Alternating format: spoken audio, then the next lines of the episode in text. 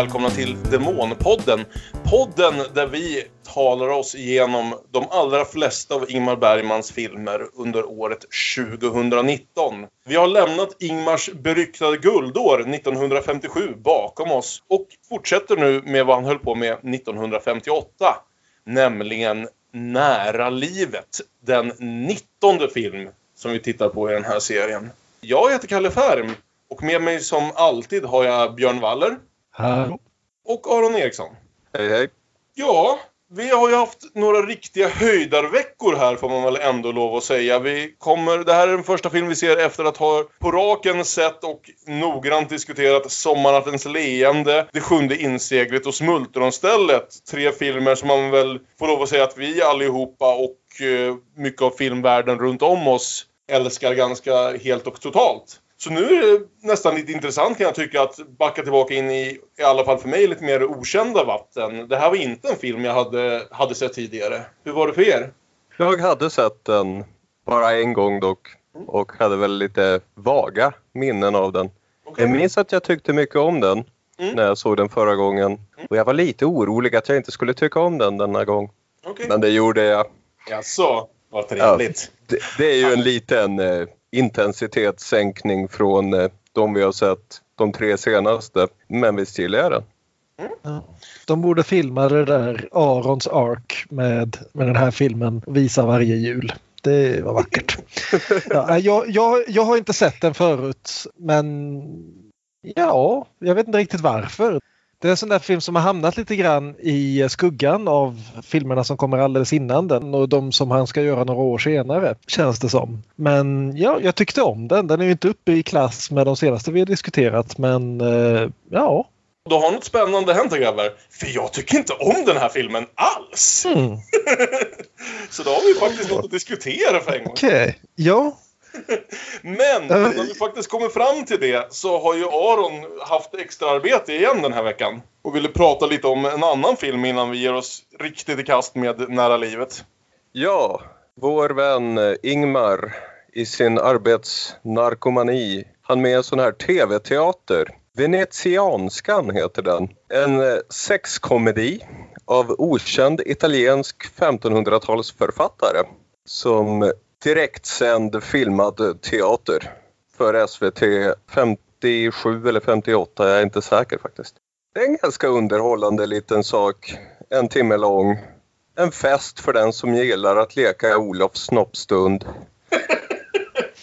Det är en ung man från Milano som kommer till Venedig och de venetianska kvinnorna tävlar om hans gunst. Det är ganska roligt. Det är inte sommarnattens leende kvalitet men det är lite samma stämning. Är det några skådespelare vi känner igen från... Det är ett antal eh, bekanta, halvbekanta ansikten. Gunnel Lindblom är väl den som är en av de här riktigt Mm. viktiga Bergman-skådisarna som är med där. Och annars, ja, några till. Mm. En anekdot från inspelningen. När han, eh, Bergman och hans eh, manskap anlände från Malmö till Stockholm för att spela upp den här teatern. In i tv-studion för att repa. Och vad händer där? Jo, där står Ria Wägner och steker revbensspjäll mitt i ateljén. En liten miss i planeringen. Och ja, Ingmar var föga överraskande oerhört förbannad. Men det blev ganska kul till slut i alla fall. Så, venetianskan. Mm. Ytterligare något att leta upp för er som tycker vi tittar på lite för lite Bergman i den här podden. Men då så, med det sagt så kanske vi ska ge oss i kast med nära livet. Ett ganska, oavsett vad man tycker om den, är, skulle jag säga att den är ett ganska stort steg från de här senaste filmerna vi sett. Kanske lite av ett eh, steg bakåt om man tänker på fokus och så vidare. Det är en, om uttrycket tillåts, en ganska liten film, men en ganska fokuserad film. Vi är verkligen tillbaka i känslan av filmad teater här, för vi befinner oss ju i stort sett på en enda plats och med ganska få karaktärer. Jag håller inte riktigt med om att det är filmad teater. Det är det på så vis att det är ett teatermanus men jag tycker den inte är filmad som en filmad teater. Mm, Okej. Ja, jag tyckte det var lite hård där, Kalle. Mm, Ja. Jag, kommer- jag kommer vara Framförallt eftersom du började med oavsett vad man tycker om den. jag kommer vara Oavsett vad man tycker om den så måste man hålla med om att den suger. Lite, lite ungefär min inställning till den här. Men ja, men med det, med det sagt så ska vi väl ändå komma in och läsa ett litet synopsis ur regi Bergman. För er som antingen inte har sett filmen eller som ändå behöver påminna er om vad som faktiskt händer. Tre kvinnor på BB. Cecilia har fått ett missfall. Stina har gått över tiden. Och Hjördis, som väntar ett oäkta barn, har försökt göra abort. De blir alla tvungna att förlika sig med naturens gång och sina komplicerade förhållanden.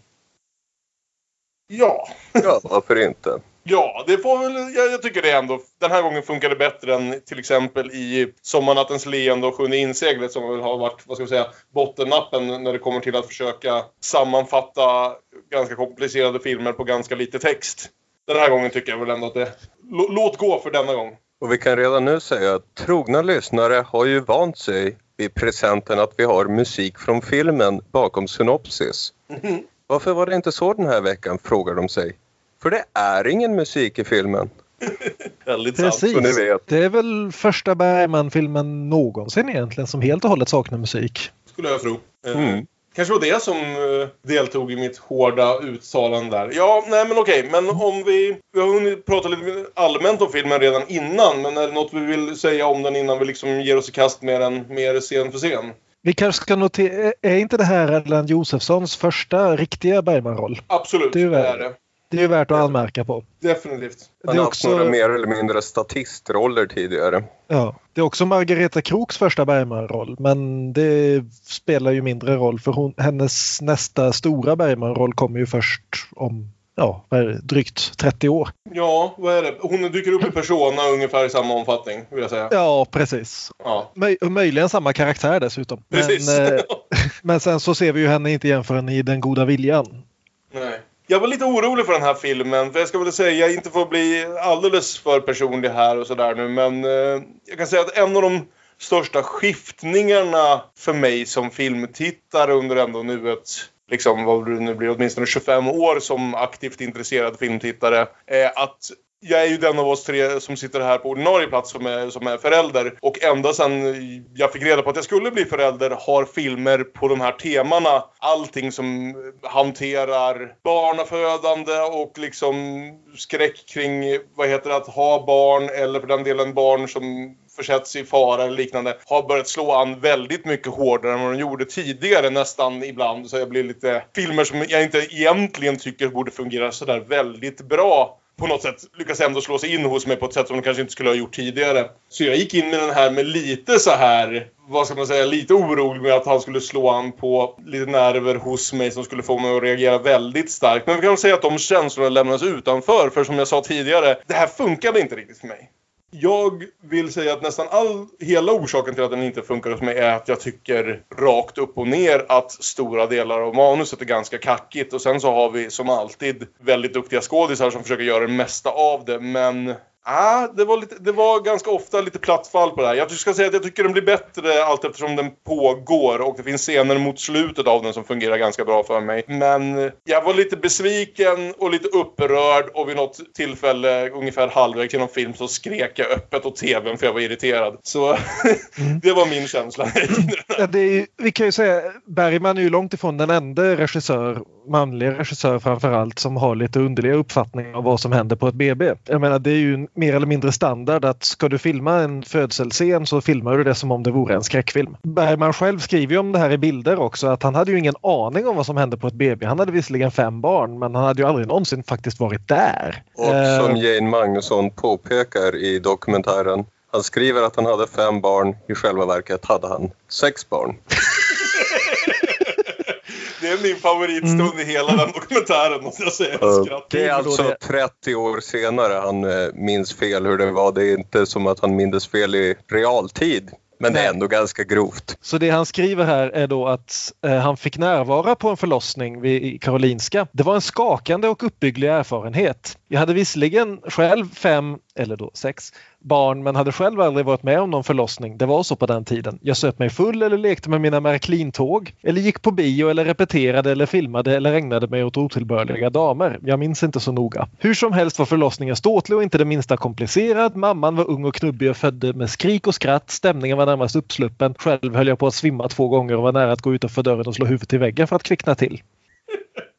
Så möjligen var han lite, fortfarande lite groggy när han regisserade den här filmen. Mm. Sen ska ju nämnas också att Ulla Isaksson som skrev manus hade ju fött barn så man får väl anta att hon hade väl lite koll på vad som, hur det gick till på BB på 40-talet i alla fall. Ja, jag, alltså, jag kanske lägger lite ändå av skulden för det jag tycker jag brister med filmen. Vi, som sagt, vi manuset då vid hennes manus. Inte för att jag nöd, nödvändigtvis tror att Ingmar själv på något sätt skulle varit en bättre skildrare av upplevelsen. Men jag tycker någonstans att, att liksom det som faktiskt sägs om... Alltså det är ganska mycket standardpladder om sånt här. Det går inte riktigt in på djupet på det sättet. Nu har man ju vant sig vid en viss nivå av liksom djup på känslan. Om man faktiskt går, gå in och gräva lite i det här. Och det här känns ändå... Det är lite, lite grundnivå på något sätt i tankar och tycken och så här kring det här. Samtidigt så är det 1958. Det Men vi, vi, men vi kanske ska ta det här bit ja. för bit när vi kommer fram till de här ja, grejerna. Jag tror det. Jag tror mm. det. Mm. Ja, filmen börjar ju med att Ingrid Thulin, som vi har sett eh, nu senast här i Smultronstället, kommer in på sjukhuset och är inte väldigt gravid, utan vad sägs det? Hon är i tredje månaden ungefär. Ja. Och har börjat blöda. Och det ska sägas direkt också från början att vi spenderar hela filmen på detta BB. Vi kommer bara att flytta oss mellan i stort sett vilosalarna, födslosalarna och ibland några av kontoren som, som läkarna befinner sig i. Men hon kommer in och uh, anar oråd med, med sin graviditet. Och ja, söker hjälp kring det helt enkelt. Ja, och bland det första som händer då är att hennes make kommer ju in tillsammans med henne. Mm. Och vad man förstår så har de väl tagit sig dit för egen maskin eller hon har väl tagit ambulans dit och han har tagit sig dit på annat sätt och så möts de där. Hennes make spelas då av Erland Josefsson. Mm. Och nu har vi ju inte Ellen med den här veckan tyvärr men ska vi diskutera hans frisyr? det tycker jag ändå att vi ska. Det är en sån här mystisk frisyr som verkar existera enbart i filmer från 50 och 60-talet och som måste ha inneburit att dessa liksom manliga karakara på 50 och 60-talet som rökte fem paket cigaretter om dagen och alltid hade en älskarinna också tillbringade en timme varje morgon hos hårfrisören. För han har någon sorts konstiga liksom vågor som ligger tvärs över huvudet. Det, det är som att han har åtminstone åtta mittbenor på fel vinkel. Mm, jo, det är intressant. Man undrar lite vad det är som pågår och vem som tänkte sig att det var en, liksom en rimlig karaktärisering av, av den här personen. Och här blev man ju såklart lite glad. Alltså, eller glad, det är redan från början en ganska spänd stämning såklart. Men som sagt, Ingrid Thulin har ju varit var ju strålande förra veckan i Smultronstället, eller förra året om man såg den 1958. Och eh, Erland Josefsson har man ju lite gått och väntat på för man vet att han kommer bli en av de stora Bergmanskådisarna vad det lider. Så det var jättekul att se att han har en lite mer ordentlig roll här. Mm. Ja. Men, Men hon är i alla fall helt desperat. Blöder ganska kraftigt. Mm. Och han är väl ganska tafatt i sina tröstanden. Kom ihåg nu Cissi. Elias expects his wife to do her duty. Vill du verkligen ha det här barnet, Anders? Cissi, lilla. Jag måste få veta det. Nu äntligen måste jag få veta. Förut har jag inte velat veta, men nu måste jag. Du och jag kan varken göra till eller från i den här situationen, Cissi. Det är alltså ett riff på uh, Churchill. Ja, ja, ja. Britain expects every man to do his duty. jag tycker fast det här är... Nu har ju Bergman inte någon av sina två standardfotografer den här veckan. Nej.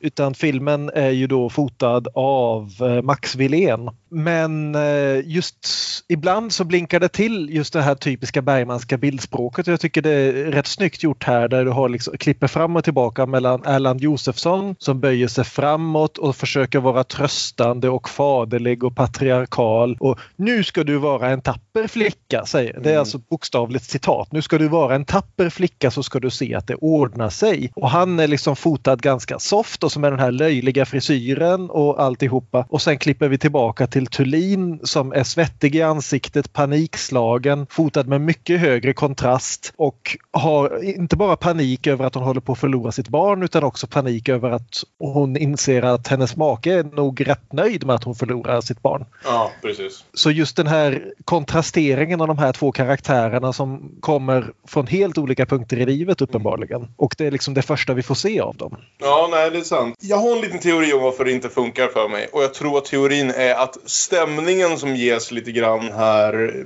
både med liksom ämnet och vart vi befinner oss och så vidare, är möjligen det mest diskbänksrealistiska eller om man vill neorealistiska som Bergman nästan har varit, i alla fall på ett bra tag. Det är liksom människor här och nu i vardagen med problem och saker som vanliga människor genomgår. Men dialogen speglar inte det riktigt, för dialogen är så otroligt liksom baserad kring det teatrala. Långa monologer om vad vi tycker och tänker och alla säger alltid rätt ut vad de tycker och tänker och det känns inte naturligt någonstans. Det är Jag en håller- väldigt skriven film. Jag håller med om det faktiskt. Mm. Det är väl mitt stora invändning. Men samtidigt håller jag inte med om att den är diskbänksrealistisk heller. Utan jag tycker här, här till en början så har den inte riktigt hittat men ganska snart så kommer den ju in i det här. Det du, det du redan har sagt att hela filmen utspelar sig på en våning på eh, Karolinska sjukhuset. Och det är liksom väldigt mycket det här, filmen mer eller mindre säger det här ju rakt ut lite längre fram att det här är ju det är ett specialfall det här. Här spelar plötsligt inte klass någon roll, här spelar plötsligt inte ens historia någon roll utan här är de liksom helt och hållet, här gäller inga regler. Åtminstone inte i teorin. Naturligtvis gäller fortfarande vissa regler väldigt hårt med tanke på att det är en kvinnoklinik just. Det hette ju inte BB på den här tiden, det hette ju fast KK, kvinnoklinik. För graviditet var ju bara en kvinnofråga och inget annat. Nej, och det, Eh. det, det, den punkten är ju väldigt tydlig i den här filmen. Ja, precis. Men just det här att de är frikopplade från sina liv och kan göra något annat. Just det skapar lite grann, inte lika effektivt, men ändå li, det, samma lite det här eh, drömscenen från, eller drömkänslan från Sommarnattens leende fast naturligtvis mycket mer tragisk. Ja, alltså den filmen som... Det som är närmast av det vi sa tidigare är ju att det finns en sekvens i Kvinnors väntan där Maj-Britt- Nilsson ligger och ska föda barn under en ganska lång sekvens i den som är en flashback i en flashback eller hur det nu är. Jag tänkte en del på den och jag vet inte om jag tyckte att den egentligen var det 10 minuters sekvensen fick fram ganska många av de här poängerna och möjligen nästan lite skarpare. Mm. Ja. Ja. Men det som händer i alla fall är ju att hon rullas in i ett rum och blir tillsagd att läkaren ska komma snart. Läkaren kommer inte snart. Och när läkaren väl kommer och hon blir bedövad och vaknar sen upp och får veta att hon har förlorat barnet. Det är väl den korta förklaringen på vad som händer. Det är en, det är en del snygga klippningar här innan dess men och får också veta att det hade inte spelat någon roll om ni hade kommit in tidigare för ni hade ändå förlorat barnet. Det var något fel från första början. Och det här är ju någonting som slås fast också ganska tidigt att läkarna, de manliga läkarna i alla fall, verkar inte vara speciellt intresserade av sina jobb. Och det är ju frågan hur pass realistiskt det var återigen 1958. Men det är ju verkligen här att de vågar, de ger aldrig några som helst detaljer. Det var något som var fel. Jag Ja. vet inte. Livet ville sig inte den här gången. Det är väldigt arrogant sett Ja. från läkarna.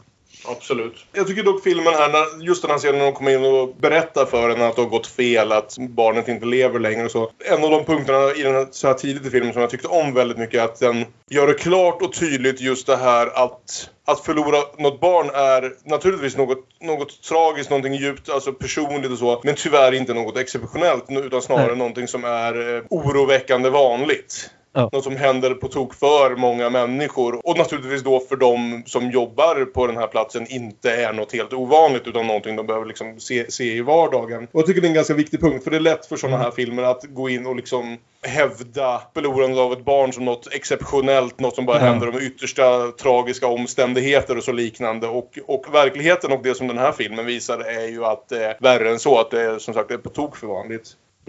Och Cecilia, alltså Ingrid Thulin, är eh, övertygad om att barnet dog för att hon inte älskade det tillräckligt. Och det är det som, som kommer att sätta igång hennes känslomässiga storyline.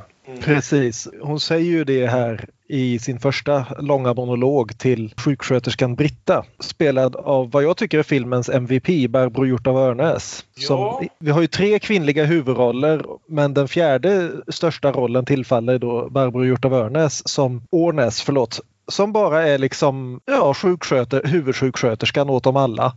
Mm. Och som bara är stabil Mm. helt enkelt. Går in och det är väldigt tydligt, hon säger det till och med rakt ut att det här är mitt jobb, jag gör det här hela, det finns ingenting jag inte har sett förut. Nej. Hon är inte osympatisk till dramat men hon är heller inte en del av det. Nej. Och om Barbro kan vi säga att hon minsann hade Ingmar när han var ung och att hon var förlaga för Sommarlek-historia. Deras Jaha. ungdomsromans. Spännande. Jag tror vi har sett någon liten roll från henne tidigare. Kanske inte i någon av filmerna Ingmar regisserat. Vi känner däremot igen henne från en helt annan roll. Hon spelar nämligen Stig-Helmer Olssons mamma i Sällskapsresan-filmerna. Den kopplingen hade jag inte gjort. Hur som helst, nu så ligger ju Sissi, Cecilia, Ingrid Thulin, eh, inne här i salen och vi märker ju fort att hon har två andra kvinnor som är havande där med sig. Och de spelas ju av två skådespelerskor som är väldigt bekanta med, vid, vid det här laget. Ja, vi har Eva Dahlbäck i rollen som Stina. Mm. En mycket energisk och glad kvinna med kanske inte den bästa peruken. Och inte den bästa dialekten. Inte får patienterna arbeta. Ja, men jag måste ju ha någonting att göra. Den här killen som jag går omkring med och som inte vill ge sig ut i världen, han börjar gå mig på nerverna. Vi får väl kalla det för terapi då. Jaså, vad är det för fint att terapi? Det är för att fru Andersson inte ska börja klättra i gardinerna av brist på sysselsättning. Åh jösses, de skulle aldrig hålla. Nu är vi inne, vi har pratat lite om Ingmar och hans val av, av dialekter och vem pratar hur beroende på vart de är och sådär. Och jag säger så här, jag älskar Eva Dahlbeck. Hon har alltid varit fantastisk i de här filmerna. Ända fram till den här punkten skulle jag ändå säga att vi ska säga vi märker lite av en stil i vilka roller hon har fått spela. Det går ju absolut en linjen genom eh, de fyra roller vi sett henne i hittills. Och därför uppskattar jag verkligen att den här karaktären är helt annorlunda. Jag märks på en sekund att det här är inte den vanliga Eva Dahlbeck-rollen. Det här är något helt annat. Och sen tycker jag att hon saboterar sig själv lite grann genom att hon har absolut rätt energi, hon har rätt liksom så. Men hon försöker lägga på sig någon slags dialekt som är så pass tveksam att jag inte riktigt kan lista ut vad det är hon försöker göra. Det har definitivt med Gubbängen att göra. Men eh, Jo, men det, då inställer sig ju frågan var hon kommer ifrån egentligen därför att ingen är 1958 född i Gubbängen. Nej. Möjligen någon som är, ligger på det här eh, BB just nu. Vi, vi Men heller... eh, ja. ja. Inte för att gå händelserna för mycket i, i förväg, men det görs ju inte lättare av att sen kommer Max von Sydow in och spelar hennes make och en helt annan dialekt. Ja, men det är inte så konstigt. Det är Stockholm ändå. Men, Jo, jo, ja. jo, men det är liksom...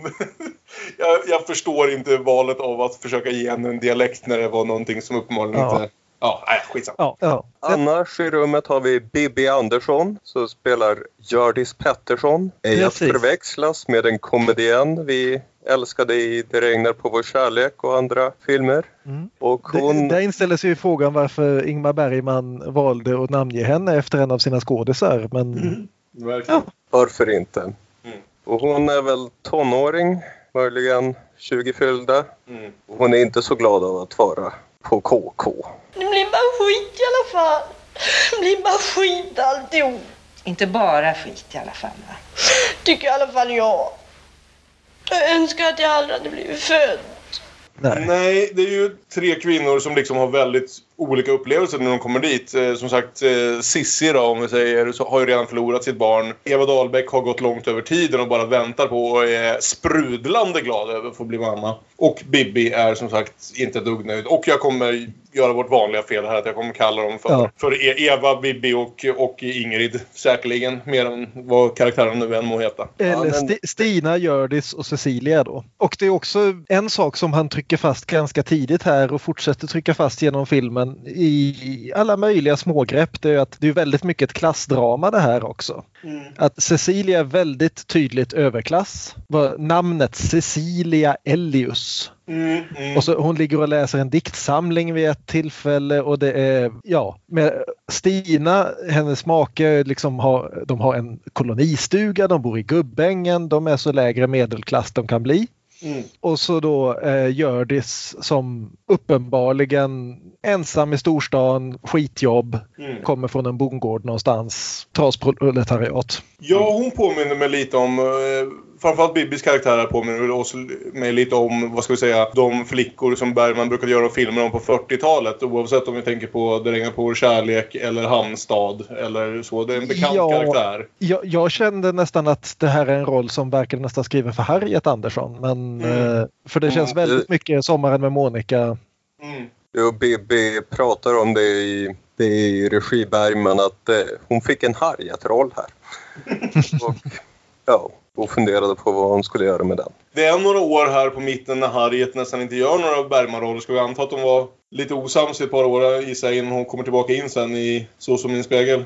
Det tar några år till det här. Det är, det är några år liksom mitt i som inte Harriet och Ingmar verkar ju vilja jobba ihop. Eh, Hon pratar lite grann om uppbrottet men ingenting om varför de slutade jobba ihop samtidigt utan ja, i Harriets självbiografi som jag har liggandes här. Det går väl att spekulera kring. Det verkar ganska naturligt tycker jag efter vi vet vilket drama ungefär som pågick mellan dem. Att de tog en liten paus på några år ifrån varandra. Men men. Ja, alltså det som händer här nu på eh, avdelningen är att först så håller Cecilia en febrig monolog för hon har precis vaknat ur narkosen som går ut på mycket det vi har pratat om här. Dels att hon tycker, för att göra återkopplingen till smultronstället då förra veckan så tror hon inte att hennes man faktiskt vill ha barnet. Nej. Och därmed så tror hon att hon orkade inte bära barnet helt enkelt. Hon orkade inte ge det den kärlek som det behövde för att klara sig nio månader. Och hon säger någonting som är, det, det, som du säger Kalle så är det här en väldigt skriven monolog. Mm. Det känns så. Men samtidigt så hon, ett tema i den som jag tycker är väldigt intressant är just det att hon säger att jag kommer inte att dö av sorg. Jag kommer att äta och skratta igen. Ja. Just den, just Just den här insikten, Mm. just den här insikten, för hon är ju ändå inte, vi snackar inte liksom en 19-årig tjej som har råkat bli gravid utan hon är ju ändå en vuxen människa som arbetar och har varit gift i många år och vet hur livet funkar. Och som Emmylou Harris uttryckte det, the hardest part is knowing I'll survive.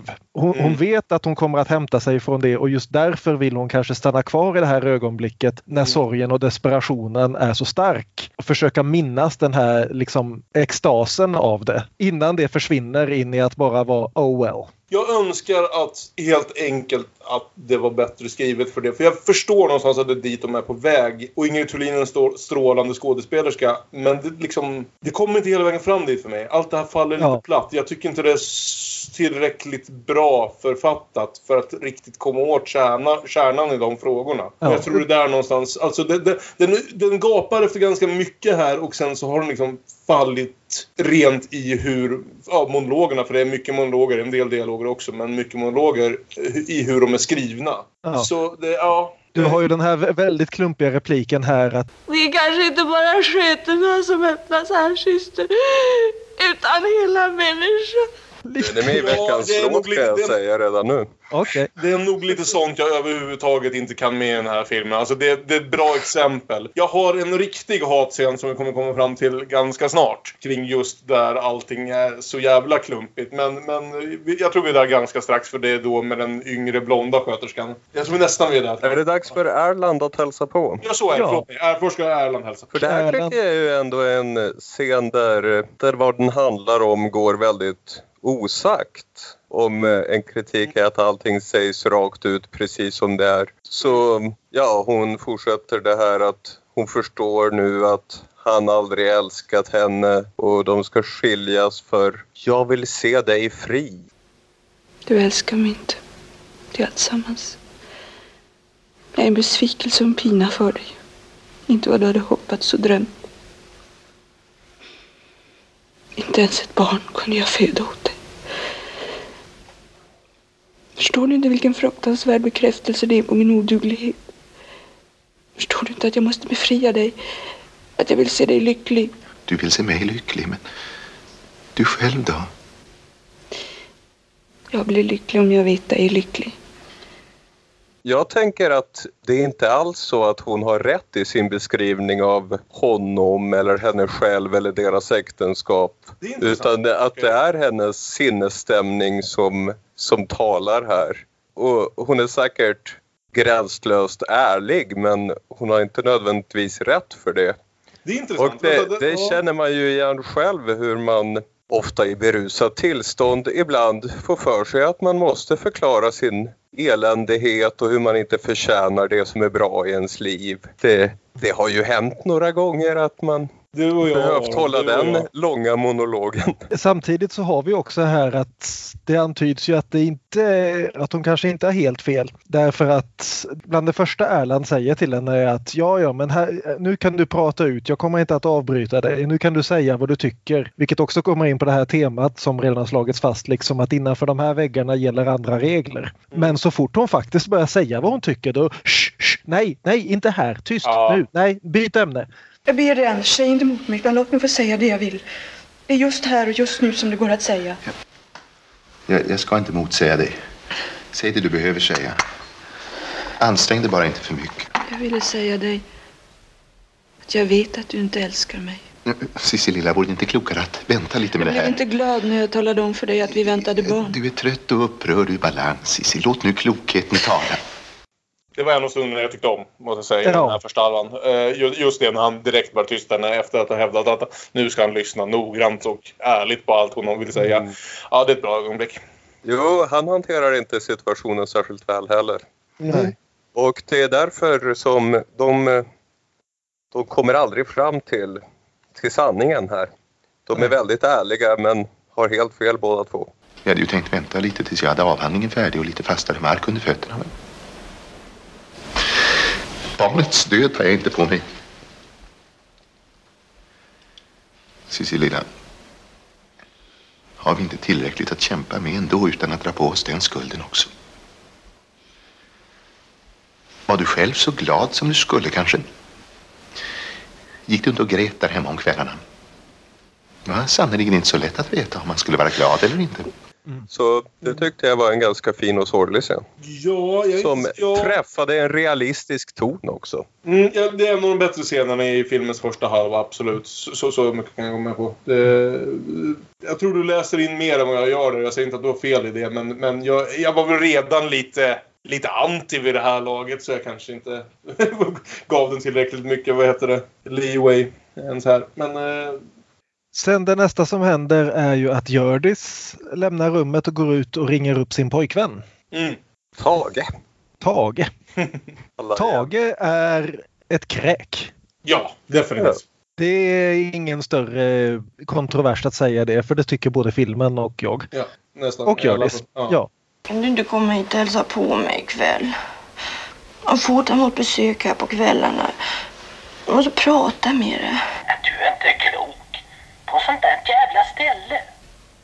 kommer alla möjliga här. Både män och fästmän och alla möjliga. Jag är väl för fan ingen fästman. Far till ungen i alla fall. Det är ingen så... Det där fixar jag när du kommer ut. Och han lovar att fixa det, inte som förra gången. Det vill säga de har gjort abort en gång tidigare. Mm. Och säger åt henne att bara, bara tig som graven. Det är inte så att de kan sätta tumskruvar på dig. Mm. Men det undrar jag också lite. Är det, är det det här försöket som hon nu har åkt in dit för? Att hon ja, blödde Det- som en stucken gris på jobbet. Är det det abortförsöket som hon pratar om? Nej, det är det För hon väl verkar inte. skärrad av det och säger aldrig så igen. Men hon Nej, har ju för- försökt nu igen. Ja, Uppenbarligen. nej, för det, det sägs ju senare i filmen, vi kommer ju fram till det, att hon har gjort abort framgångsrikt en gång tidigare. Okej, det sägs. Och när hon, Jag nu blev blev, aldrig gravi- riktigt klar när hon nu blev gravid med samma kräk igen så eh, har hon försökt att göra någonting åt det på egen hand. Ja, okej. Ja. ja så, så tolkar jag det också. Ja, och apropå det så har vi också en scen i, här någonstans i vevan där en annan läkarjävel kommer in och är ännu mer arrogant gentemot Cecilia Ja, det är den Och- scenen jag tror jag tänkte... Eller och- nej. och ställ, ställer eh, typiska Alabama-läkarfrågan. Nämligen, har ni själv gjort någonting för att sätta igång det här missfallet? Eller aborten kallar han det till och med. Vilket, ja, det finns många länder i världen där det nu görs olagligt för kvinnor att få missfall. Jag satt, jag satt, eh, Trots att tänk, jag satt och tänkte upp, på det. uppemot 80-90 procent av alla graviditeter slutar i missfall. Så ja.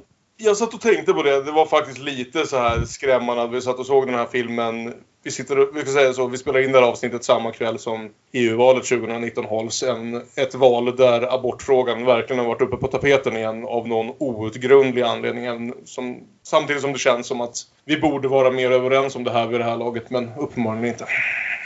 Och som dessutom är mors dag. Precis. Jävlar, jag har inte ringt mamma. Hon lyssnar ju på podden också. Så, gratt, du är en jättefin mamma, mamma. Fin mors dag nu när du lyssnar på det här typ en månad senare. Ja, du är en så fin son. Ja. Visst är jag. Ja, men med det sagt. Med det sagt så får också Hjördis ett litet samtal med sjukhusets kurator som för- försöker övertyga henne om att ja, men det är ingen grej att vara en singelmamma idag. Det här, herregud, det är 1958, inte 1928. Ni, ni måste vara medvetna om att samhällets syn på detta har förändrats oerhört. Det är varken någon skam eller någon olycka för en flicka att få ett barn nu för tiden. Ni kan kalla er fru och ni kan skaffa er ett eget litet hem. Massor har hänt på 30 år. Ja. Fan vad samhället hjälper till nu. Du kan få både det ena och det andra och det tredje. För det här var klumpigt på ett sätt som inte... Alltså det här var min värsta scen. Det här jag har... Jag ska läsa ordagrant ur mina anteckningar. Vilken klumpig jävla skitfilm har jag skrivit över den här scenen. Ja, den är inte helt smidig alla gånger. Och det här hur kuratorn eh, tar upp, kan du inte se det som en gåva? Säg, säg kan inte försöka se det så. Som en gåva ni får. Något dyrbart. Något som inte alla får, fast de kanske hemskt gärna vill. Ni vet att det finns kvinnor som aldrig kan få barn därför att Ja, Bibi tycker bara barn är äckliga och avskyvärda. Ganska fin monolog. Men, eh, men att vi scenen efteråt får reda på att kuratorn som har hållit det här, det är en gåva och det är vackert. Talet att hon själv inte kan få barn kändes ju... Det var nog där. Det var nog där jag skrev det. Ja, Ja. inte ens jag kan försvara finessen i det. Och jag, och jag tycker väl det nästan klumpigaste med hela scenen det är väl att sen så behöver då syster Britta förklara för Hjördis att ja men hon kan inte få barn själv. Hon längtar själv så förfärligt efter barn. Men hon kan inte få. Hon har haft flera missfall. Och efter det sista sa doktorn att hon inte skulle hoppas längre. Jo tack, vi fattade det. Och, Det framgick ganska tydligt. Det kan inte varit okej att sitta och diskutera sådana saker om, ja men du vet, din kurator är lite konstig på grund av alla hennes privata grejer. Kan det aldrig Nej, vara alltså, okej ens den här- 1958? Den här filmen lever inte upp till GDPR någonstans ska jag säga. Det diskuteras hela tiden med vilt främmande människor hur eh, diverse människor. Ja, alltså hon hade ett missfall och hon eh, bla bla bla bla bla bla och hennes barn och bla bla bla bla bla bla bla bla bla och hon, nu kommer hon att bla bla bla. Men mer, mer vet jag inte. Nej men okej då. Alltså det, det var nog det också. Det var, ja. Eh, Ja.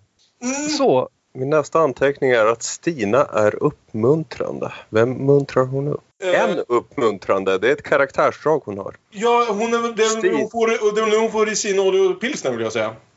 Och det här någonstans jag tror min värsta bit av filmen nästan är över. Jag var inte alls på under den här första, vad det kan vara, halvtimmen, 35 minuterna. Utan, men här någonstans börjar det vända lite grann för mig. Även om jag, som sagt, dialekter hit och dit. Men eh, Eva Dahlbeck är som alltid ett lyse i mörkret. Hon, eh, hennes scener är de bästa i, i filmen och det är inte första gången det är så. Mm. Det börjar närma sig besökstid och eh, Stina får hjälp av Hjördis att piffa till sig lite grann och fixa håret och lite puder. Och till och med eh, den så truliga Hjördis blir lite på gott humör av Stinas värme. Och det kommer väl till och med repliken Du kommer att bli en så bra mor Stina. Ja, hur kommer det här att gå? Ja det är väl ungefär här man börjar ana liksom att det är en Ja. stor jävla varningsskylt som blinkar någonstans framöver. Framförallt eftersom den ganska klumpiga scenen kom direkt innan så misstänker man vart, vi, vart det här är på väg. Ja. Men däremot ska vi inte glömma hur det kommer in eh, middag till Sissi. Stina utropar levergryta. Här tänker de på blodbristen.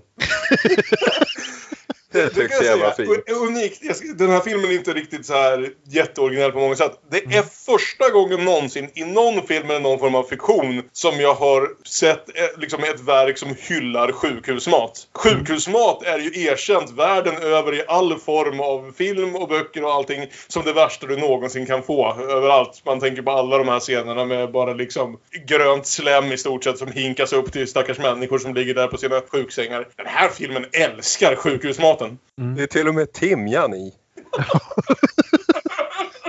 Timjan var tydligen väldigt exotisk 1958. Levergryta, är det en rätt som fullständigt dog ut någon gång på 70-talet eller har någon, har någon av er ätit det under hela ert? Jo, jag vill säga att skolmatsalen ibland under Ja. det tidiga 90-talet kunde Det- ibland leverera en levergryta. Det, ja, just det. Det kan ha hänt. Jag minns inte om jag någon gång fick någon levergryta. Du är ju sån där morotsätare så. Ja. Ja, jag, jag tänker på, vad heter skolmatsalen i Skarphagsskolan 1993 typ, om de säger levergryta till mig. Så. Men sen dess kan jag inte påstå att jag ätit den, nej. Ja, men vem är det då som Fader dyker upp? Andersson kommer. Precis, spelad av vem? Max von Sydow. Max kommer in och får en scen. Och han är ju också en genomgod individ, precis som sin hustru. De är ju sol och hjärta och alla andra fina saker här i världen. Mm. Han har plockat med egna blommor.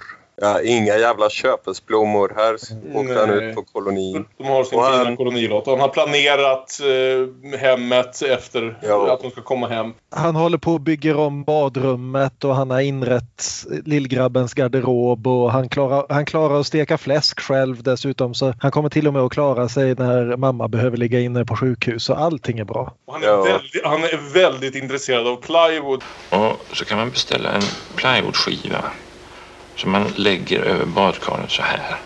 Och så kan du ha alla dina salvor och grejer där med navelpuder och stjärtpuder och hårpuder och det hela. Nej, inte hårpuder var din dum. Men du, Mm. tänk om, om skivan buktar så av vattenångan då? Inte plywood gumman lilla, det är hårt som fan. Alltså, Nej, det slår sig inte. Allt det här låg du och räknade ut medan du inte kunde sova. Mm. Det här är alltså i princip, för nu får vi väl spoila den här filmen, att det här är ju i princip scenen där Gooses fru och barn dyker upp i Top Gun. Det är liksom, Straight into the danger zone. ja. Och även Hjördis får besök faktiskt. Jajamensan, hon har en En- väninna där. Precis. Och det här de har diskuterat det här att hon har försökt göra bort på egen hand. Vad hade du gjort då? Gamla vanliga. Käka kinin och dricka konjak. Hoppa hopprep. Och gud vad hoppa. Det hade jag glömt. Okej, det, det ögonblicket gillade jag. Det var väldigt fint. Och eh, det känns som vi hoppade lite över där, men som sagt vid något tillfälle har även Eva Dahlbeck som sagt fått resinolja och pilsner, vilket tydligen var någonting man ordinerade på sjukhus för att få igång barnafödslar. Ja, men det verkar framförallt så. Pilsnern verkade mest vara för att hon skulle ha någonting att skölja ner resinoljan med. Ja. Jag tänkte, var inte jordgubbssaften uppfunnen? Det, liksom, det fanns väl några andra drycker att skölja ner med än pilsner just, men Särskilt för en människa som, som hon säger själv aldrig har druckit en pilsner. Ja, precis. Om om hon liksom fick frågan vad är det godaste du vet att skölja ner det här med och hade sagt ge mig en öl för fan. Då, då hade jag möjligtvis köpt det. Men nu har hon alltså aldrig druckit pilsner i hela sitt liv och hon, det först, deras första val för att ha en smak att maskera resinoljan med är någonting som, ja, ja, ja underligt val men ja. Inte ens Party to the Max. Max har ju fått henne att kunna Nej, dricka precis. pilsner. Vad, vad använder man resinolja till? Det är en sån här sak som jag, liksom det används ja, i filmer som allt möjligt. Det verkar vara liksom någon slags undermedel som skulle råda bot på det mesta. Bara att det så uppenbarligen smakade så horribelt att det är... I Fanny Alexander, från Fanny och Alexander vet vi att resinolja är värre än att eh, bli slagen. Så Det, är- det är ett laxermedel. okej. Så tanken är väl att de ska skita ut ungen antar jag? Alltså det, ja. Nej, men jag tycker bara det verkar användas som något sånt här eh, liksom miracle cure ibland i filmer. Bara att man måste överleva liksom smaken av det. Men ja, nej, men jag har alltid undrat över just efter hur det, hur det kommer till bruk. Eller hotas med att komma till bruk i Fanny Alexander. Men besökstiden är slut och alla vallas ut och alla ska gå och lägga sig och då börjar, eh, inte Cecilia men Stina, alltså Eva Dahlbecks karaktär, börjar få ont i magen. Bam, bam, bam. Sjuksköterskan kommer och hämtar henne och skjutsas ner till födelseavdelningen. Så och är jätteglad för äntligen ska det bli av. Ja. Så här har vi ju liksom 80s slasher-grejen. Hon drack alkoholen och nu är det inte hon som kommer dö. Men... Jag bara säger så här, det är något som inte riktigt funkar här. För som jag började sa i början av avsnittet här att som förälder har jag blivit otroligt blödig och lättkänslig för liksom allting på det här ämnet. Och väldigt lite av det här nådde fram till mig. Jag borde ju för fan ha varit ett jävla vrak vid det här laget och jag var liksom beredd nästan på att vara det eftersom jag visste vad filmen skulle handla om. Men icke så icke liksom. Det, jag bara lämnades ganska kall även vid det här laget när jag tyckte att filmens kvalitet rent generellt ändå hade höjts upp någorlunda i andra halvan. Ja, det- det är lite små saker här som händer annars att... Eh, Det är här vi får Margareta Kroks lilla roll som läkare. Ja, precis. Vi, vi ska se, det är först en kort scen mellan Cecilia och Hjördis också.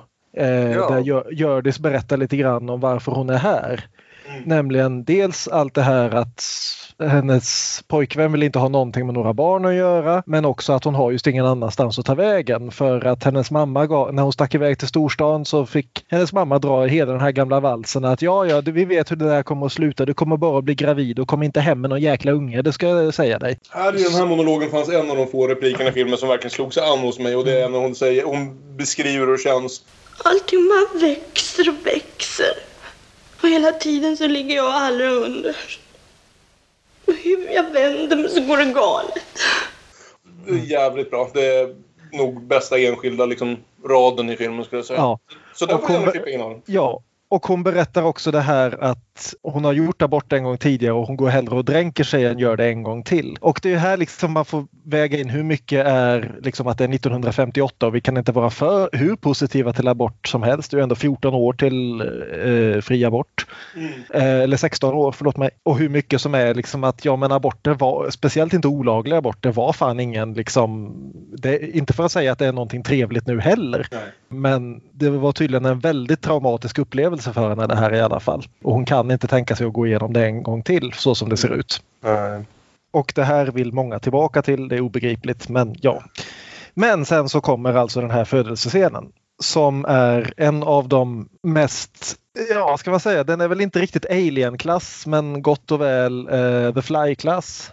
Den fungerar otroligt bra tycker jag också för att den f- baseras på Eva Dahlbecks skådespel och Ingmar, Bergmans regi och ingenstans tillåts de här liksom, som jag tycker ganska vekt skrivna manuset komma in och liksom förstöra det. För det är ju oftast liksom det som sägs som pajar den här filmen för mig. Och här sägs det inte så mycket utan visas och då fungerar det ganska bra. Ja, utan en av de få replikerna som faktiskt sägs är då när Eva Dahlbeck inser att de kommer att söva henne och skriker att nej, inte tången, inte tången. För på den här tiden gjorde man helt enkelt så att kejsarsnitt var fortfarande alldeles för dramatiskt. Så eh, första försöket var inte att liksom hämta ut ungen den vägen utan det var att ta en stor jävla metalltång, grabba tag i ett mjukt bebishuvud och dra ut det med milt våld. Mm. Mer eller mindre milt. Mm. Ja, precis. Och det är väl här vi inser hur det kommer gå. Och det är Eva Dahl, här är ju Eva Dahlbeck något helt annat än den vi har sett i tidigare filmer. Här är är, här är demonisk. Det Hon är är- fantastisk insats. Ja, hon är så jävla Fruktansvärd bra. men ja. Ja, nej det här var... Om jag har klagat mycket på många scener tidigare men det här är bra. Det här är bra på riktigt. Det här är det som... Alltså det, det någonstans det som är väl just att det är så väntat att vi har vetat liksom vid det här laget. Hela filmen har bara liksom som sagt haft en lysande lampa om vad det är som kommer ske och när och hur och sådär va. Men så det är inte oväntat på något sätt men det är ändå otroligt dramatiskt som det, Ja. som det sätts, spelas upp. Ja. För sen klipper vi till Det är nästa- nästan skönt att den inte försöker göra plot twist. Nej. Så, Ja. För sen klipper vi till nästa morgon. Mm. Och det är en helt annan avdelning som vi inte sett tidigare. För på den här tiden fick man ligga kvar på BB i flera dagar efter att man har fött. Även om det inte var något speciellt fel utan det var helt enkelt, det var ju att, att vara gravid var ju en, en sorts sjukdom så då ska man förstås ligga kvar på sjukhuset också. Precis. Jag tycker det mest, det finns ett par väldigt anmärkningsvärda saker med den här scenen där vi då ser liksom eh, mammor som tar emot sina barn som har legat och sovit på bebisavdelningen och nu ska få morgonbröstet. Mm. Den ena är att de verkar förvara bebisarna i byrålådor. jag vet. Eh, det, det, det, Det var är fascinerande och jag är ganska säker på att det är verkligt. Ja. Jag har sett det där i andra sammanhang också och det är väldigt underlig, vad heter det? Ja. Ja. Som, du som bibliotekarie Björn, nu skulle vi sortera bebisar. Ja, de verkar, verkligen, de verkar ju verkligen använda en sån här gammal hederlig kortkatalog. Det är det jag tänker. Det, det andra anmärkningsvärda är att vi får ju faktiska amningsscener här. Ja. 1958. Av, av Inga Gill. Ja, precis. Är det Inga Eh. Gill som är ammaren? Jag tror det är en annan som inte har repliker som är ammare. Ja, ja okej, som faktiskt. Men Inga Gill låtsas amma. Ja, det gör Ja, samtidigt, ja. Och det här var tydligen, att se den här scenen just, var tydligen så väldigt traumatisk att flera personer svimmade i salongerna. Framförallt män som aldrig hade sett något sånt här tidigare. Herregud. 158. Men så klipper vi då till eh, salen där vi har tillbringat större delen av filmen när Stina rullas in och är... Jag vet, eh, det är inte tydligt om hon faktiskt sover eller är fortfarande under narkos eller om hon bara är helt borta. Hon är i Eh. ett katatoniskt Ja, stadie i alla fall. Vid något tillfälle så sträcker hon sig efter ett glas vatten. Hjördis försöker hjälpa henne och hon bara slår bort Hjördis hand. Mm. Så hon är uppenbarligen helt förstörd. Hon har inte fått höra säkert än vad som har hänt men hon har ju förstått vad som har hänt. Mm, mm. Och när, när läkaren kommer på, det här tycker jag är intressant för den här filmen slår an ett litet mysterium också. Återigen de här arroganta läkarna som vi har sett genom hela filmen. Här får vi payoffen på det. Att hon kräver att få veta vad som hände med hennes barn och han svarade, svarar helt enkelt livet ville inte fru Andersson. Nej. Och hon blir fullständigt förtvivlad, försöker få ett svar ur karln. Liksom. Men han levde ju igår, jag kände ju honom leva inom mig. Vad hände egentligen? Ja, verk, verkarbetet måste ha blivit för kraftigt eller så var det eh, moderkakan det var fel på eftersom ni har gått över tiden. Ja, nej. Mo- Ja, moderkakan det var fel på, herregud vad är det för jävla skitsnack? Det, un, un, det var inte så att ungen missade en måltid. Nej. Och då får man ju återigen den här frågan om exakt vad gjorde de för att få ut ungen ur henne? Precis. Och Ja. det kommer hon aldrig att få veta för läkarna är fullkomligt ointresserade av att gå in på sådana detaljer. Är, är det, jag vet inte liksom, vad ska man säga, patienters rättigheter och sånt 1958. Det här skulle ju vara fullkomligt oacceptabelt nu. Ja. Eh, jag har ingen aning om om det här är realistiskt eller om det här är överdrivet liksom svartvit bild av vad, vad för ställning man stod i i förhållande till läkarna. För jag blir lite, alltså som sagt jag är mer okej med andra halvan av filmen och det är starka scener som så. Jag kan inte, jag kommer inte ifrån att det känns lite för, det- är lite för lite gråskalor. De här läkarna är så, med undantag för hon, vår huvudsakliga sjuksköterska som, som, som är en ganska vänlig och en professionell person så, så är de här läkarna så oändligt oprofessionella och otrevliga och vill inte hjälpa till mer än vad de, alls vad de behöver och sådär. Så att, äh, min, Ja, min, när- min signalradar går upp lite grann. Läkarna fyller ju lite grann samma roll här som präster ofta gör i Ingmar Bergman-filmer. Ja, precis. De, är, de är liksom auktoritetsfigurer helt utan ansvar. Mm. Och nu när han ändå rör sig, det är väl någonting här med att han rör sig liksom i sin nutid då och i en situation som väldigt många människor som kommer se den här filmen själva har befunnit sig i. Att det blir någonstans lite viktigare för mig någonstans hur, hur nära han faktiskt ligger inte nödvändigtvis verkligheten, men när det samtidigt är så pass, som jag tycker, lite halvtaffligt skrivet så, så blir jag lite känsligare för sådana här saker. Mm. Ja. Jag tycker väl också det och som sagt realism är inte Ingmars bästa element. Och jag tycker mycket av filmen lyckas undvika att vara diskbänksrealism eftersom det är den här väldigt inneslutna, hermaneutiskt slutna lilla salen. Mm. Den miljön. Hermeneutiskt slutna var fint. Det, ja. Jag gillar det. Jajamän. Men just med de här läkarna så, så blir det lite dålig realism över det hela. Ja. Som när Bergman ska ha figurer. Lite på måfå och sådär. Samtidigt så jag, jag, jag vet inte hur orealistiskt det är igen. Jag menar det, det är inte som att alla läkare är 100% kompetenta i alla. Det som är orealistiskt är väl att alla läkare på ett sjukhus ska vara så fullkomligt ointresserade av sitt jobb. Extra intressant eftersom alla går omkring i, i skjortor där det verkligen står Karolinska och så visar det sig att Karolinska sjukhuset uppenbarligen inte har skötts. Nej, precis. Den här filmen är väldigt, väldigt aktuell på många Om, sätt. om, om, vi, om vi ska prata om saker som inte har förändrats mellan 1958 och 2019. Så Ja, det precis. Ja. Ja. Men så det som händer härnäst i alla fall är att en av undersköterskorna kommer in med den här stora, stora buketten som eh, Max var och hämtade ute på kolonistugan. Mm. Och tack och lov så får ju då Hjördis som är ganska upprörd över vad som har hänt med hennes äldre väninna. Hon får syn på det här och fullkomligen tacklar ut henne ur rummet. Ja, det är härligt. Det är mitt alltså fly, favoritögonblick. flygande rugbytackling ut ur rummet. Och hutar åt henne. Du kan fan inte ge henne blommor när hon precis haft missfall. Tänker åtminstone människa. Mm. Och hon går Ja, ja. runt så där väldigt bestämt i sin eh, nattskjorta. Ja, det, är, det är ett härligt Bibi Andersson-ögonblick. Ja. ja, absolut. Och då ham- de hamnar i alla fall inne på eh, översköterska Brittas kontor. Och eh, Hjördis och Britta kommer att prata och det slutar med att eh, Hjördis vågar ringa sin mamma och det visar sig att mamman som så många mammor sa saker hon kanske inte riktigt tänkte igenom och hennes enda ord är kom så fort du kan. Mm. Hur Vilket är rätt fint. Ja, jag tycker det är fint. Det är helt, eh, hur gravid ska Bibi vara? Vi är aldrig riktigt säkra på det. Va? Det är bara, för det är ju inte liksom att hon kommer föda imorgon låter det som eftersom hon är så inställd på att få åka hem först uppenbarligen.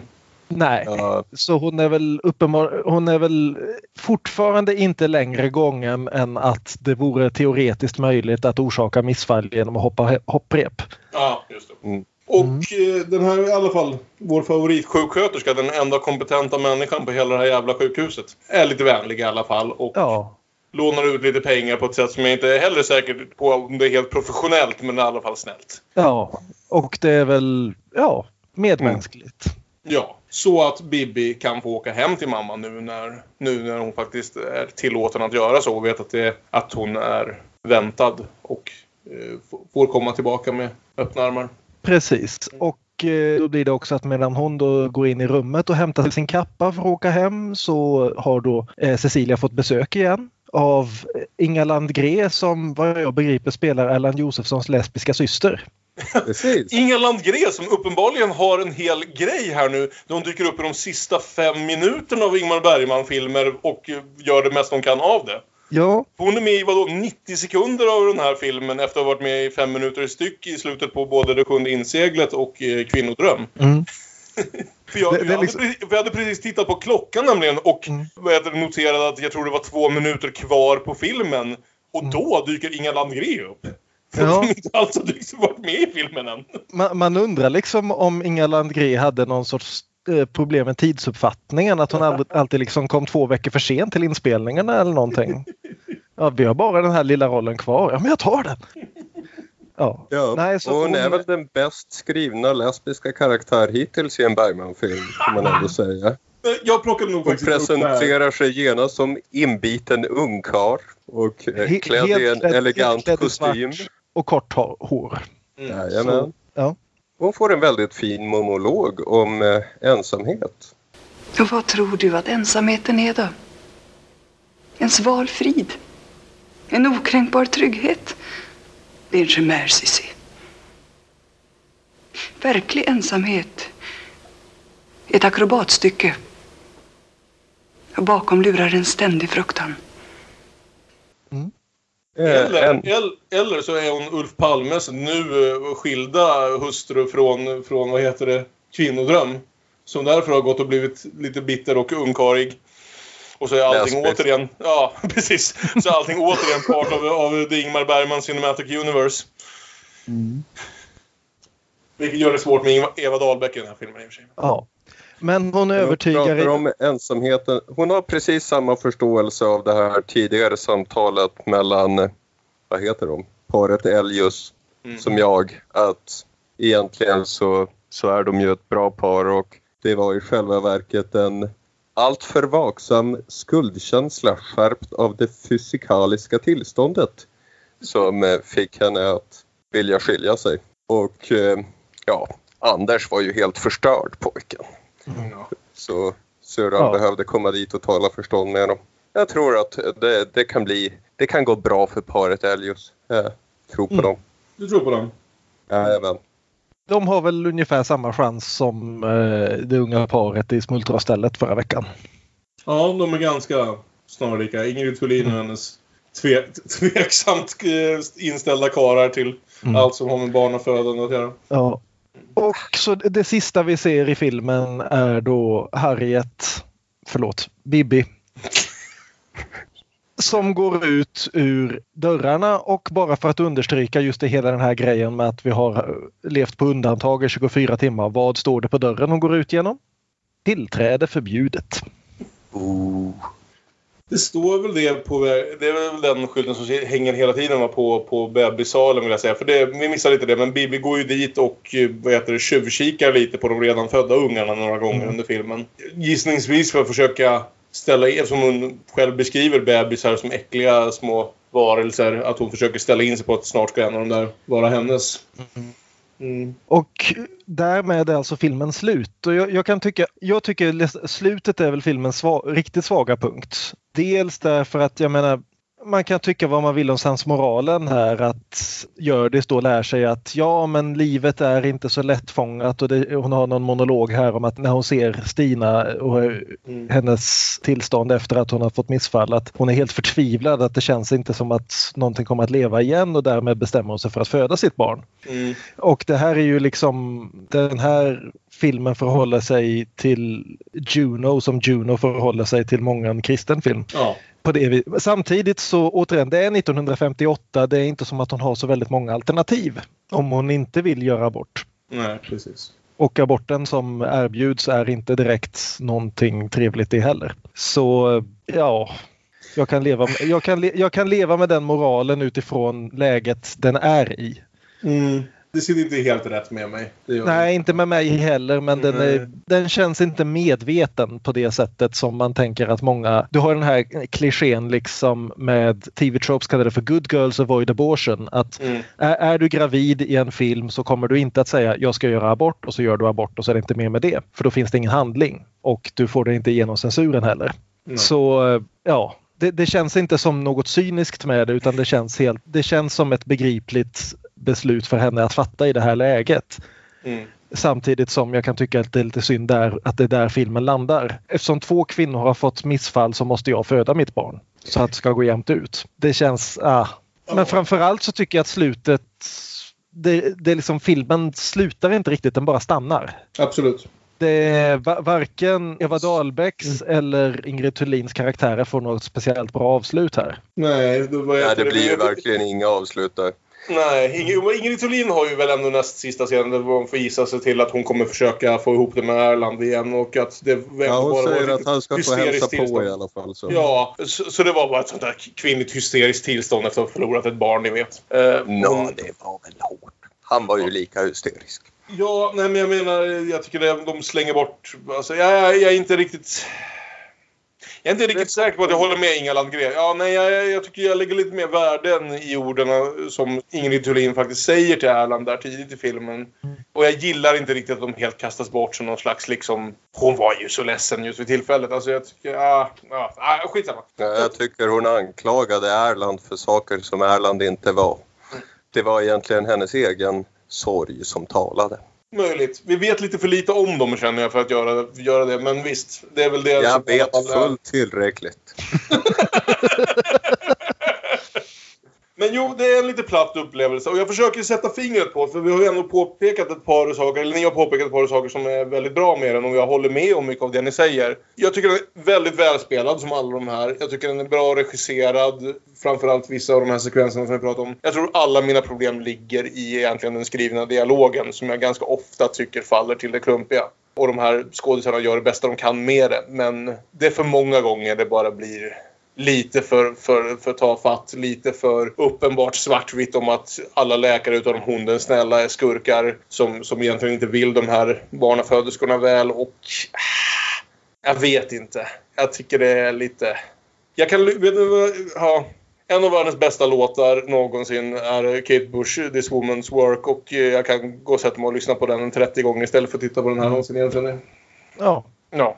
Och sen ska jag också säga att jag tror att en av orsakerna till att jag kom in är att jag följde en av Björns tidigare dubbelbullrekommendationer här om veckan. Och såg fyra månader, tre veckor och två dagar. Och om vi Ja. ska prata om en film som tar upp en del av samma ämnen men med en riktigt diskbänksrealistiskt och väldigt lyckat perspektiv och dessutom en ordentlig jävla emotionell käftsmäll. Så den filmen tog jag mig inte igenom oberörd kan vi ju säga. Utan helvete.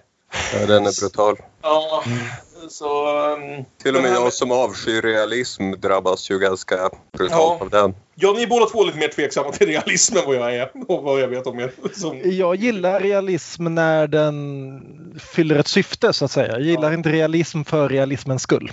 Okej. Nu ska inte jag hålla på och fusk dubbelbulla och para ihop eh, fyra månader med, med den här istället. Men, men ni kan ju gå och se den istället om ni vill bli skarpt berörda av en film om att föda eller inte föda barn som ung kvinna. Men det för oss väl fram till slutet på Mm. nära livet. Och eh, Ja. det var lite kul ändå någonstans att ha en sån här film som vi kan diskutera lite mer. Vi har varit väldigt, väldigt entydiga i, vårt, eh, i vår hyllningskör kring de senaste filmerna. Och det är också ett tema vi har eh, lite upptäckt i Ingmars konstnärskap. Ja, dels då de här abortfilmerna, vad vi ska Mm. kalla dem i början. Men också hur till glädje, han sitter på BB och väntar. Kvinnors väntan, han väntar utanför gynekologmottagningen. En lektion i kärlek, huvudpersonen blir gynekolog. Han, han har börjat jobba sig in här i förlossningssalen. Mm. Som Gösta. Ekman sa där i Jane Magnussons dokumentär, det är ett ämne som ligger Ingmar varmt om pungen. Och det är ju intressant också just om man jämför med de här tidiga eh, filmerna där abort spelade en stor roll. Det var alltså, eh, för de som eh, inte minns, så var det hamnstad och fängelse och någon till. Vilken var den Törst. tredje där? Det var ju Törst ja. Mm. Och samtidigt så känns det liksom att där försökte han delvis på grund av andra manusförfattare men också det lite grann därför att det var det, eh, den poängen som skulle göras. Liksom att det var en politisk poäng att göra av det.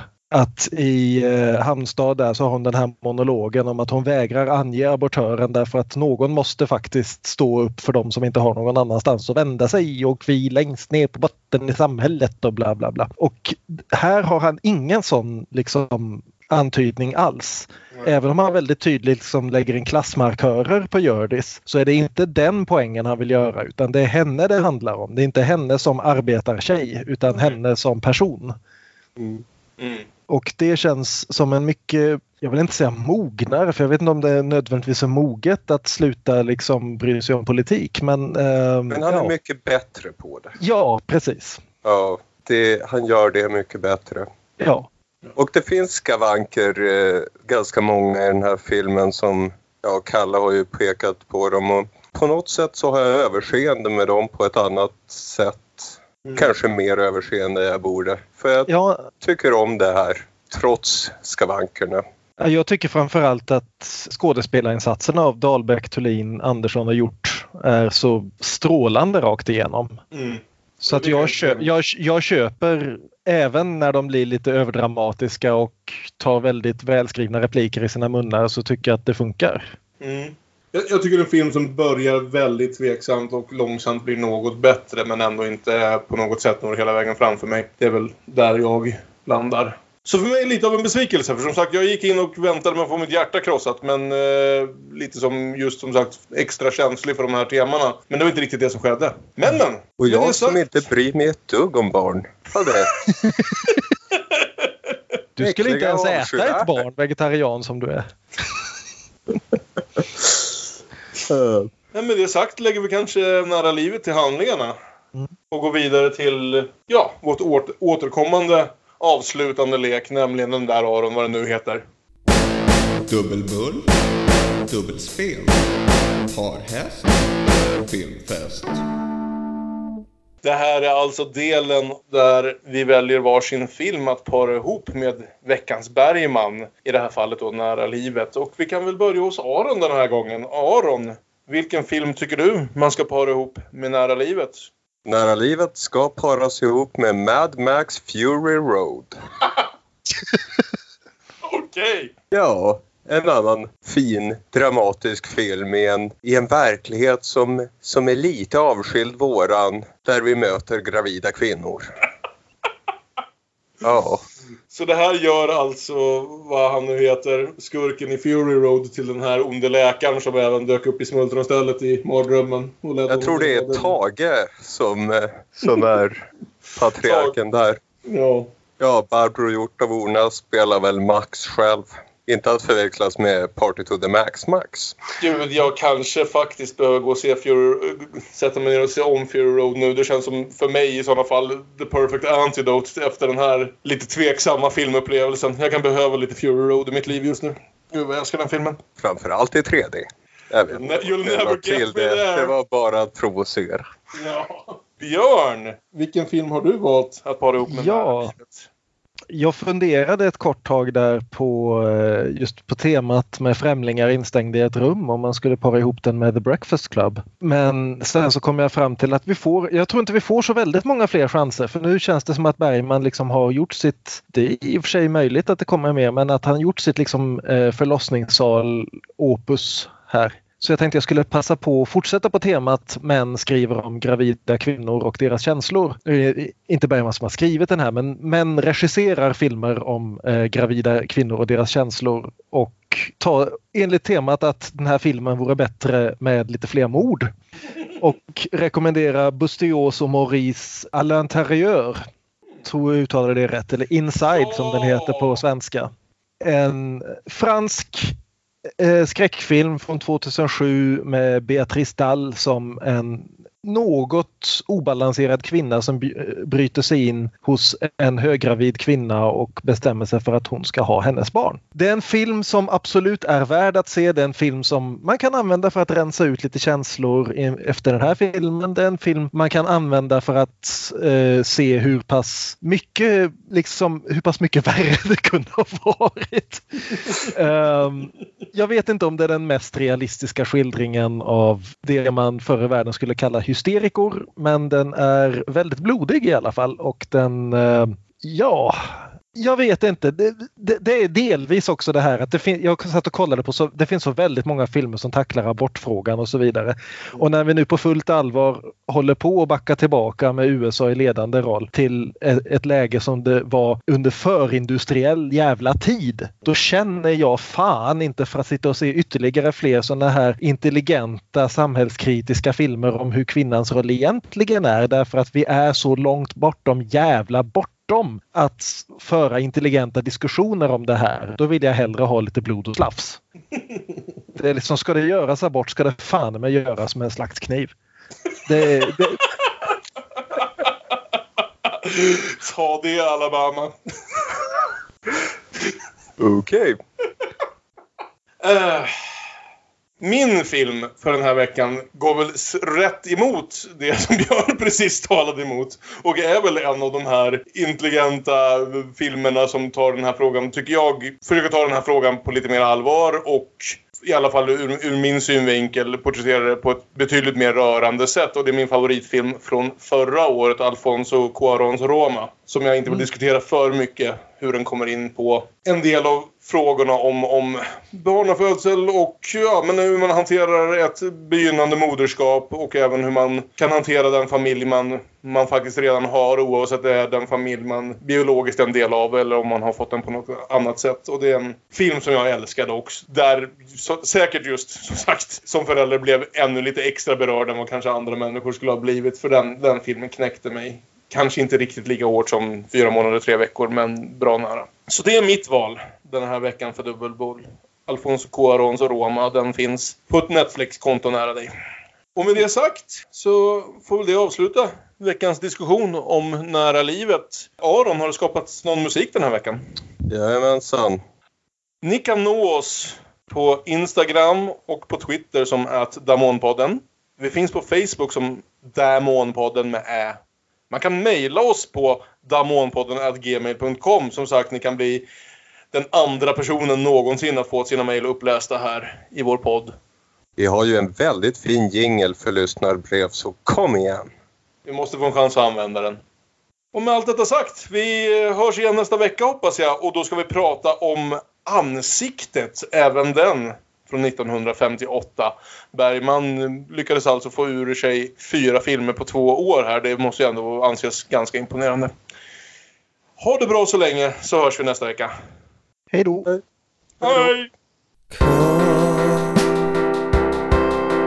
nära livet så tätt intill det rör sig så vilt Kom, kom var